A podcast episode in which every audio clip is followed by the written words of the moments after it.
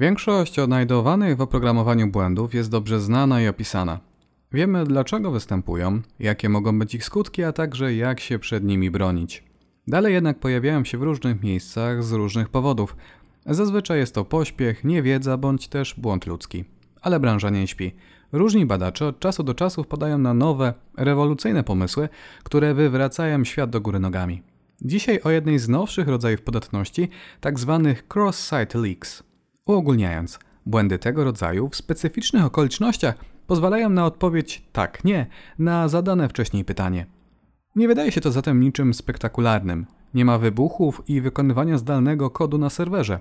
Na pozór wydaje się zatem, że to nic nieznacząca klasa podatności. Diabeł tkwi w szczegółach i wszystko zależy od systemu, z jakim mamy do czynienia. Jeśli jest to serwer sądowy, można sprawdzić, czy obywatel X był karany. W przypadku szpitala możliwe jest zweryfikowanie, czy Kowalski choruje na raka prostaty. Błąd w banku pozwoli dowiedzieć się, czy użytkownik posiada więcej niż milion złotych na koncie. Możliwe jest także poznanie haseł użytkownika. Każde pytanie można bowiem zamienić na serię pytań tak-nie. Czy pierwszy znak hasła zawiera się pomiędzy cyfrą 0 a 9, a może jest to litera Z? Czy w skrzynce mailowej użytkownika znajduje się mail od pana Kowalskiego? Cześć, ja jestem Kacper Szurek, a to podcast Szurkogadanie, w którym opowiadam o bezpieczeństwie w prosty i zrozumiały sposób. Dzisiaj opowiem o atakach cross-site leaks, dlaczego występują, co jest ich powodem i jak należy ich poszukiwać. Jeżeli materiały tego rodzaju Ci się podobają, dołącz do grupy od zera do Pentestera na Facebooku, gdzie dzielimy się swoją wiedzą z zakresu bezpieczeństwa. Podcast ten jest dostępny na YouTubie, Spotify'u oraz Google i Apple Podcast. A jeżeli wolisz czytać, link do całego tekstu znajduje się w opisie pod tym materiałem. Ale zanim wyjaśnię tytułowy błąd, należy zrozumieć, jak działają przeglądarki internetowe i co to jest Same Origin Policy. Już na samym początku istnienia przeglądarek powstały pewne zasady, które chronią bezpieczeństwo użytkowników. Jedną z nich jest SOP, czyli Same Origin Policy. Dzięki niemu strona X nie może pobrać treści ze strony Y, o ile strona Y nie wyrazi na to zgody. Ta na pozór prosta reguła jest podstawą bezpieczeństwa. Dlaczego? Wyobraźmy sobie, że jesteśmy zalogowani na stronie banku. W tej samej przeglądarce, w innych kartach, mamy uruchomione także inne strony należące do różnych firm. Gdyby reguła ta nie istniała, każda dowolna strona mogłaby wysłać zapytanie do witryny naszego banku i pobrać informacje na temat stanu naszego konta. Przeglądarka automatycznie dołączyłaby nasze ciasteczko, czyli informację, która sprawia, że serwer wie, że my to my. Przeglądanie internetu byłoby znacząco utrudnione. Musielibyśmy bowiem korzystać jedynie z jednej karty naraz, logować się na jedną stronę, a następnie po wykonaniu wszystkich koniecznych operacji się z niej wylogowywać. I tak w kółko. Z drugiej jednak strony, przeglądarki pozwalają na wysyłanie żądań pod inne adresy. Korzystamy z tego na co dzień, wypełniając formularze na różnych stronach, czy też korzystając z API różnych serwisów. Samo wysyłanie żądania pod inny adres to jeszcze nic złego. Kluczowa jest natomiast możliwość dostępu do zwróconych przez serwer danych. Przeglądarka porównuje protokół, port i domenę i jedynie w przypadku zgodności wszystkich tych elementów zezwala na dostęp do danych. Oczywiście w międzyczasie pojawiły się dodatkowe mechanizmy umożliwiające odczytywanie danych z zewnętrznych serwerów. Przykład. Chcemy na swojej stronie umieścić prognozę pogody. Sami nie zajmujemy się przewidywaniem opadów, więc korzystamy z zewnętrznego narzędzia. Z poziomu kodu JavaScript na naszej stronie kontaktujemy się z odpowiednim API. W odpowiedzi zwraca ono interesujące nas dane, które po obróbce mogą być wyświetlone na naszej stronie. Tylko, że z powodu różnych domen przeglądarka na to nie pozwoli. Chyba, że serwer zwrócił odpowiedni nagłówek CORS, wyrażając na to zgodę. Wiemy już, jak działa ten mechanizm. Wróćmy więc do błędów, o których wspomniałem na samym początku materiału. Teoretycznie każda strona internetowa może wysłać żądanie do Gmaila. Jeżeli jesteśmy aktualnie zalogowani i nasza przeglądarka posiada odpowiednie ciasteczka, serwer zwróci treść naszej skrzynki mailowej. Tylko nie będą się zgadzały domeny, więc zadziała mechanizm SOP. Równocześnie nie ma co liczyć, że Google będzie ustawiał odpowiednie nagłówki CORS, które pozwoliłyby na odczytanie poufnych informacji przez dowolne strony. Atakujący są więc w kropce. Badacze po pewnym czasie zauważyli, że rzeczywiście nie mogą odczytać treści zwracanych przez serwer informacji. Tylko, że te informacje docierają do przeglądarki, czyli żądanie jest wysyłane do zewnętrznego serwera, a jego odpowiedź trafia do przeglądarki i to ona decyduje, czy dana strona ma do nich dostęp. Postanowili więc mierzyć czas trwania całego takiego żądania. Jest to możliwe, w każdym bowiem momencie z poziomu kodu JavaScript można wysłać dowolne żądanie do dowolnego serwera, a następnie oczekiwać na komunikat błędu, równocześnie mierząc czas. Ten atak nazwano XS Search, teraz jednak mówimy o szerszej grupie XS Leaks. Rozpatrzmy to na przykładzie. Chcemy sprawdzić, czy w skrzynce odbiorczej znajduje się wiadomość od Kowalskiego.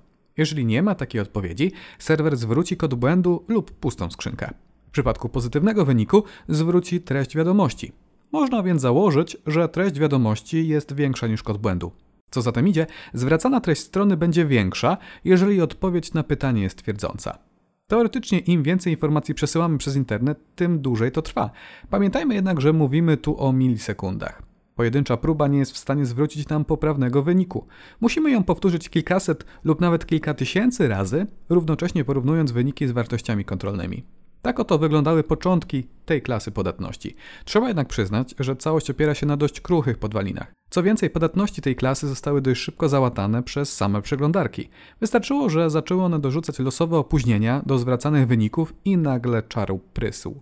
Co więcej, atak ten nie był praktyczny. Każde pytanie bowiem wymagało sporej ilości żądań.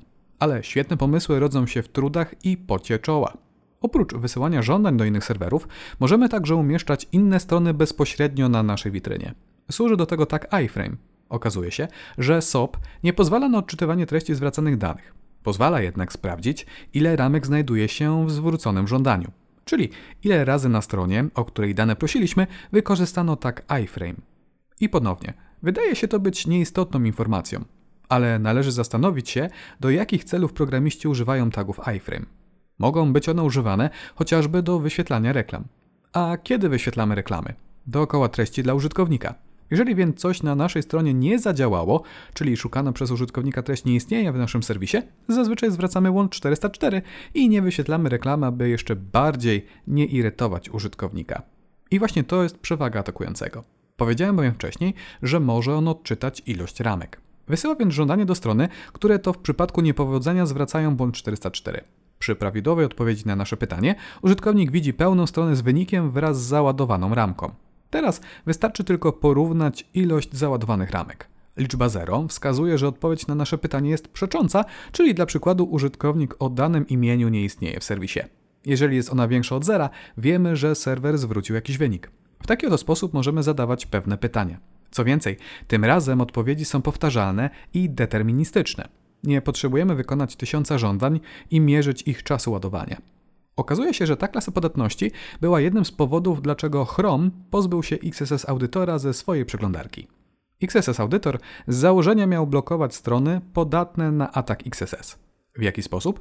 Oprogramowanie sprawdzało wszystkie parametry przekazywane przez użytkownika w treści adresu URL, bądź też parametry POST. Jeżeli któryś z tych parametrów zawierał potencjalnie złośliwy kod, czyli kod JavaScript, i dokładnie ten sam kod był zwracany przez serwer w tym momencie, przeglądarka blokowała jego wykonanie. Całość opierała się zatem na stwierdzeniu, że jeżeli użytkownik podawał kod JavaScript, który następnie znajdował się na stronie, to ta strona była podatna. Przeglądarki nie interesowało równocześnie, że przecież ten sam kod JavaScript mógł tam być wcześniej. Istotne było tu i teraz. Przypadku wykrycia potencjalnego ataku, przeglądarka nie pozwalała na wykonanie takiego kawałka kodu w obrębie danej strony. I rzeczywiście mechanizm ten działał i blokował niektóre ataki. Z czasem jednak zaczęto odnajdywać obejścia, czyli ciągi znaków, których mechanizm nie traktował za szkodliwe. Równocześnie zaczęto wykorzystywać go w atakach XS Search. Należy znaleźć odpowiednią podstronę zachowującą się w specyficzny sposób. W przypadku pozytywnej odpowiedzi na pytanie powinna ona zawierać jakiś bliżej nieokreślony kawałek kodu JavaScript. W przypadku negatywnej odpowiedzi tego kawałka kodu nie powinno być. Atakujący wykonując zapytania do danej podstrony, oprócz pytania, na które chce uzyskać odpowiedź, dokleja jeden nadmiarowy parametr. W nim to zawiera treść wykrytego wcześniej kawałka kodu JavaScript. Przeglądarka zapoznaje się ze wszystkimi parametrami i znajdzie ten zawierający kod JavaScript. Ponieważ ten sam kod znajduje się na stronie, XSS Audytor zablokuje jego wykonanie. A taka blokada wykonania może zostać odczytana bez względu na SOP. Wykorzystuje się tutaj event onload, który wykonuje się, gdy strona załaduje się do ramki. Następnie dynamicznie zmienia się adres takiej ramki, dokładając do niej ciąg po znaku hash. Tak skonstruowany adres nie powoduje odświeżenia ramki. Event onload nie wykona się zatem ponownie. Jeżeli jednak strona została zablokowana przez XSS Audytor, zmiana adresu spowoduje ponowne wywołanie eventu. Tym razem poznaliśmy więc kolejną metodę na uzyskanie odpowiedzi na pytanie tak bądź nie. Tym razem liczymy ile razy wykonał się event onload. A może Twoja witryna pozwala na ściąganie jakichś plików? Wyobraźmy sobie serwis medyczny, który pozwala na ściągnięcie pliku PDF z danymi pacjenta, bazując na jego numerze PESEL. To też można wykryć. W Chromium panel pobierania plików jest zintegrowany z przeglądarką. Jeżeli zatem strona rozpoczyna ściąganie jakiegoś pliku, równocześnie zmienia się rozmiar okna, ponieważ teraz jego część będzie zajmowana przez pasek postępu. Ponownie atakujący może więc próbować pobrać interesujący go plik. Oczywiście nie jest w stanie odczytać jego treści, będzie jednak mógł sprawdzić, czy jego pobieranie zostało rozpoczęte. Wystarczy monitorować wysokość okna. Inne podejście to wykorzystanie kodu błędów. Każda strona może wykorzystać kod JavaScript lub obrazek z dowolnej innej domeny. Wystarczy użyć tagu script czy też img. Równocześnie przeglądarka udostępnia dwie funkcje: onload oraz onerror.